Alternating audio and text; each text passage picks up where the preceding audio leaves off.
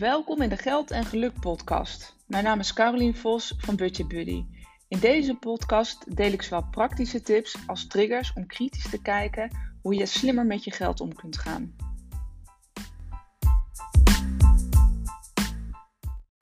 Hey, welkom bij weer een nieuwe aflevering van de Geld en Geluk podcast.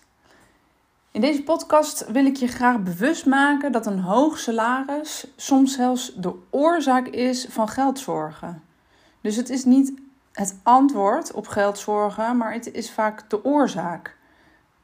Nu denk je misschien, oh jee, waar heeft ze het over? Nou, dat ga ik je in deze podcast uitleggen. Want wat zijn nou de risico's van een goed salaris? Of wat, is de, wat zijn de risico's op het moment dat je een salarisverhoging krijgt? Of wat is nou het risico op het moment dat je een dikke vette bonus krijgt aan het eind van het jaar of halverwege het jaar, maar net wanneer het uitgekeerd wordt?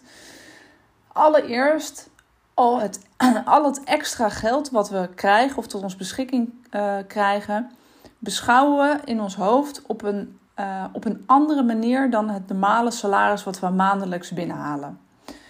Um, denkbeeldig in onze hoofd maken we potjes. En wat we daarin doen is dat we dus eigenlijk al van uitgaan dat al het geld wat we dus extra krijgen, dat zien we ook als extra. En dat voelt minder pijnlijk op de een of andere manier. We hebben minder betaalpijn, om het zo te zeggen, op het moment dat we dat geld uitgeven. Dus op het moment dat er een bonus binnenkomt, of het vakantiegeld, of inderdaad een salarisverhoging, hè, dat heb je al heel snel in je hoofd al, daar heb je heel snel in je hoofd al uitgerekend, nog voordat het op je bankrekening staat, waar je het aan uit gaat geven. En hoogstwaarschijnlijk herken je jezelf hier wel in. Op het moment dat zo'n bedrag hè, waarvan je al weet dat het gaat komen, dan heb je dat al tien keer in je hoofd uitgegeven. En zelfs met een groot bedrag denk je nog, had het niet meer kunnen zijn. Waar of niet? En toch is dit dus wel een risicovol uh, um, iets, om het maar zo te zeggen. En daarom geef ik ook heel vaak aan, nou, laat ik het zo zeggen. Heel veel uh, klanten uh, geven als oplossing uh, op het moment dat ze niet uitkomen maandelijks met hun geld, van ja, ik moet ook meer verdienen. Oké, en ik denk dat dat niet helemaal de oplossing is. Nou ja, laat ik zo zeggen, ik weet dat dat niet de oplossing is. Want op het moment dat er dus meer geld binnenkomt, zul je ook meer geld uitgeven. Eén, de reden wat ik je uh, net vertelde, hè, alles wat extra binnenkomt, dat beschouwen we op de een of andere manier toch echt als een soort van extraatje. Dus op het moment dat er een salarisverhoging komt, heb je het denkbeeldig al tien keer uitgegeven. Maar een tweede hele belangrijke is, en dat is eigenlijk een patroon waar we, en ik zeg we, want ik heb daar zelf ook in gezeten. En als ik niet oplet en niet, me er niet van bewust ben, dan kom ik er voor, voor ik het weet, kom ik er weer in. Maar op het moment dat er meer geld te besteden is, of als je meer geld tot je beschikking hebt, uh, zul je automatisch meer geld, uitzondering daar gelaten natuurlijk, maar zul je meer geld uit gaan geven. Datzelfde geldt, geldt voor de factor tijd. Hè? Op het moment dat je een deadline hebt en je moet over twee weken iets opleveren, of je hebt een deadline morgen, ja, je neemt de tijd die ervoor is. En dat geldt met geld precies hetzelfde. Dus op het moment dat er meer te besteden is, hè, dat er meer besteed kan worden, nou, 9 van de 10 gevallen zal het ook gebeuren, omdat het er gewoon is, voorhanden is. En zeker als het nog eens voelt als extra geld. Nou, dat is, dat je, je komt al heel snel in een cirkel van leefstijlinflatie. Dit heb je me misschien vaak horen uh, vertellen uh, of uitleggen als je, als je me al even volgt. Um, en anders ga ik het inderdaad nog een keer uitleggen. Want wat gebeurt er nou met leefstijlinflatie? Op het moment dat er extra geld binnenkomt, ga je dus meer automatisch uitgeven aan alle mooie, leuke en fijne dingen van het leven. En dat is ook helemaal prima. Want op het moment dat er meer, kom, meer binnenkomt, mag je daar natuurlijk ook van genieten. Want je werkt daar natuurlijk niet voor niet zo hard voor. Dat is hoogstwaarschijnlijk ook jouw overtuiging.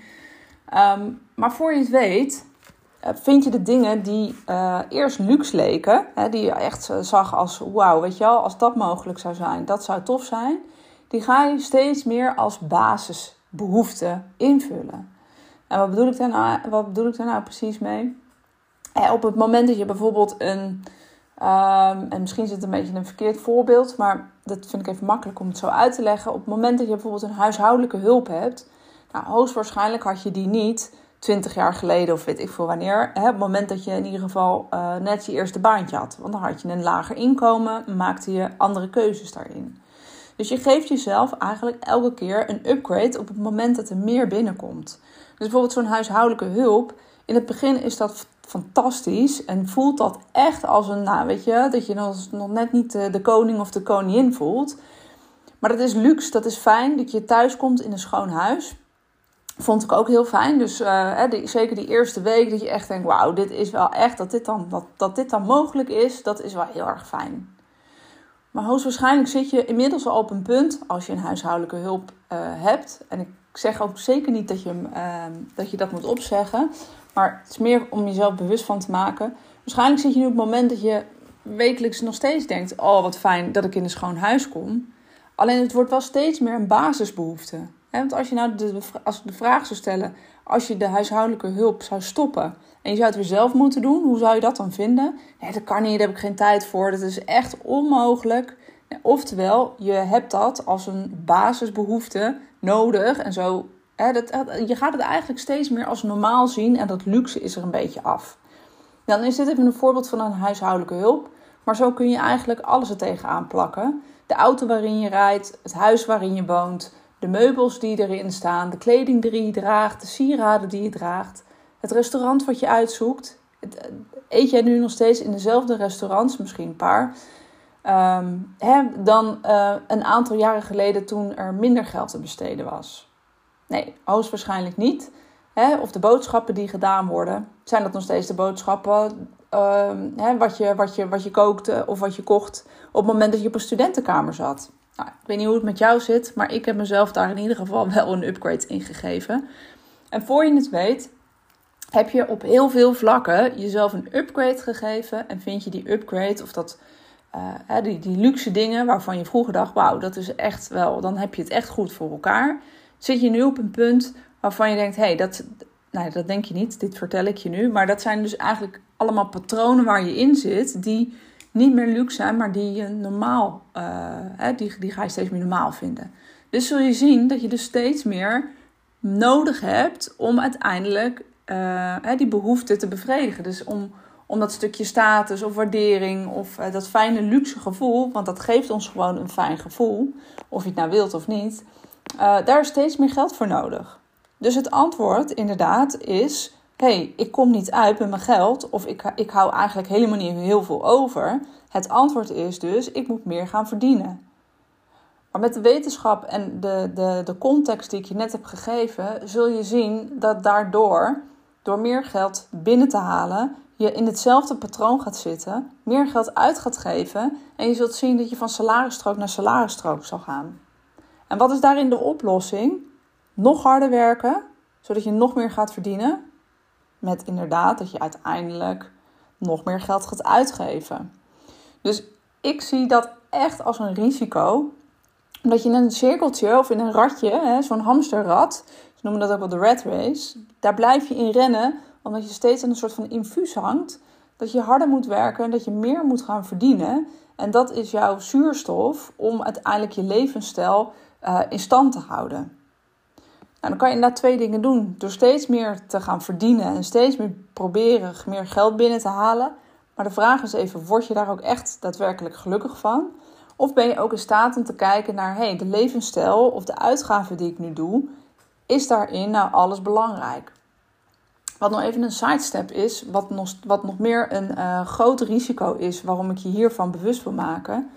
Op het moment dat er meer inkomen binnenkomt en jouw uitgaven stijgen net zo hard mee als dat je inkomen stijgt, dan krijg je twee rechte lijnen als je het in de grafiek zou, zou zien, uh, schuin omhoog. Um, het geld wat overblijft is in absolute euro's precies hetzelfde. Dus op het moment dat je net startte en het moment dat je, waarin je uh, nu zit met een goed salaris en um, uh, met stijgende uitgaven, is het geld wat overblijft in absolute euro's precies hetzelfde. Dus de buffer die je opbouwt, of het geld wat over is, is niet eens meer dan uh, een aantal jaren geleden. En dat is natuurlijk wel heel interessant. Dus je zult ook zien dat je uh, minder hard aan je spaardoelen kunt werken. Terwijl je daar natuurlijk misschien nog wel heel veel ambitieuzer bent dan een aantal jaren geleden. Omdat je denkt dat er veel meer mogelijk is. Maar wat blijkt, met een beter salaris is er eigenlijk precies hetzelfde mogelijk. En dat is natuurlijk frustrerend. Wat een risico daarin is, want ik heb het nu over mooie spaardoelen. Maar wat een risico is op het moment dat, jou, dat je afhankelijk bent van dat, nou ik noem het maar even infuus, dat zuurstof. Als je 100% afhankelijk bent van dat hele goede salaris. En alles hangt daaraan vast met je uitgaven. En je bent niet in staat om je uitgavenpatroon aan te passen. Wat gaat er gebeuren? En ik kan het antwoord wel geven op het moment dat je inkomen minder wordt. Nou, ik spreek daarin uit eigen ervaring. En godzijdank was ik al, al uh, denk twee, drie jaar voor dit, uh, voordat we in dat uh, ratje zaten, er al uitgestapt. Anders had ik zelf ook een vet probleem gehad. Um, ik ben mijn, mijn baan tot drie keer toe verloren door faillissementen. Dus het was niet eens mijn eigen schuld dat ik ontslagen werd. maar het bedrijf ging failliet, lullig. En dat betekent dat je niet meteen een salaris krijgt, want dat duurt allemaal even. En eerst krijg je je salaris niet. En nou, uiteindelijk blijkt dat het bedrijf uh, zijn faillissement heeft aangevraagd.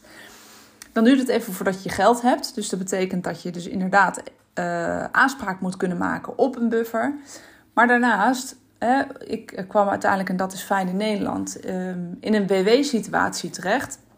Vangnet, want ze nemen dan je, je, of je, je salaris over, maar daarna komt er een WW ja, met, een, met een bovengemiddeld salaris, en daar zit je al snel op als je een beetje boven modaal verdient. Um, er staat altijd 70% van je laatst verdiende loon. Maar op het moment dat je dus inderdaad boven modaal verdient, is dat niet 70%, maar heel veel minder, omdat er een maximum dagloon aan zit. Nou, nogmaals, ik spreek uit eigen ervaring, dus ik donderde niet 30% naar beneden, maar zeker 50%. Ja, en dan is dat best wel heel erg um, zuur op het moment dat jij nog in een, in een leefstijl of in een uitgavenpatroon zit, uh, wat 100% gemaximaliseerd zit uh, op, op jouw uh, goede salaris. En ik wil niet zeggen dat je moet leven in angst en dat je op 50% van je inkomsten moet gaan budgetteren. Absoluut niet. Maar wees je er bewust van dat dit een patroon is.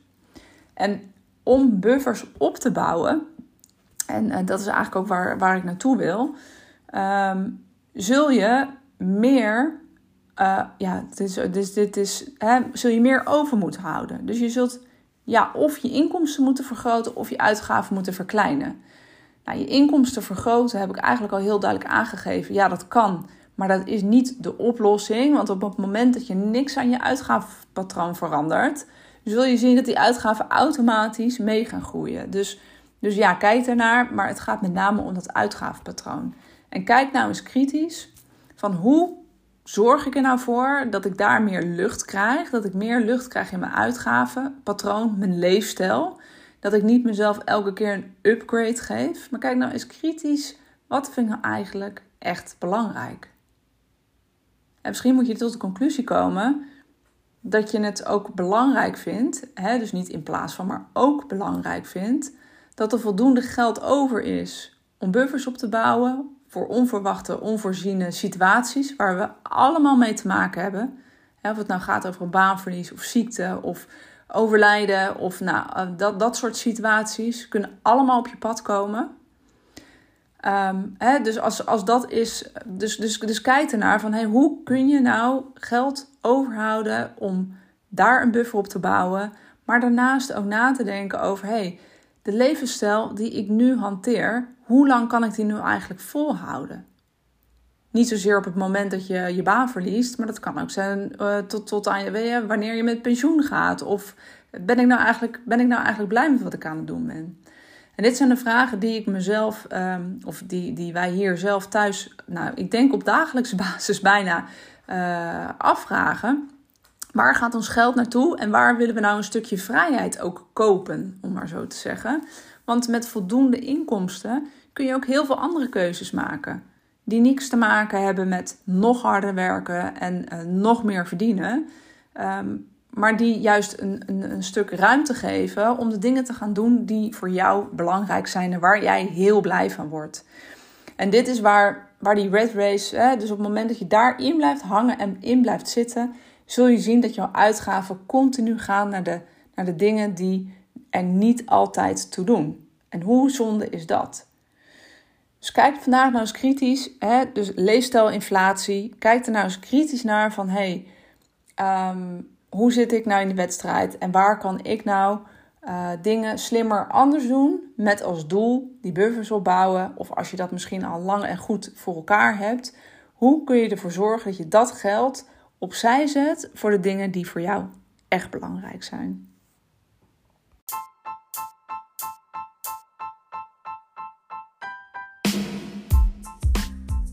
Ja, het zit er op. Een aflevering van de podcast Geld en Geluk. Bedankt voor het luisteren. Ik waardeer het altijd enorm. Wil je nog meer informatie of inspiratie hebben? Kijk dan op mijn website www.budgetbuddy.nl. Daar kun je onder andere mijn e-book downloaden, waar ik vijf gouden tips met je deel hoe je meer geld overhoudt om opzij te zetten. Of volg me op Instagram budgetbuddy.nl.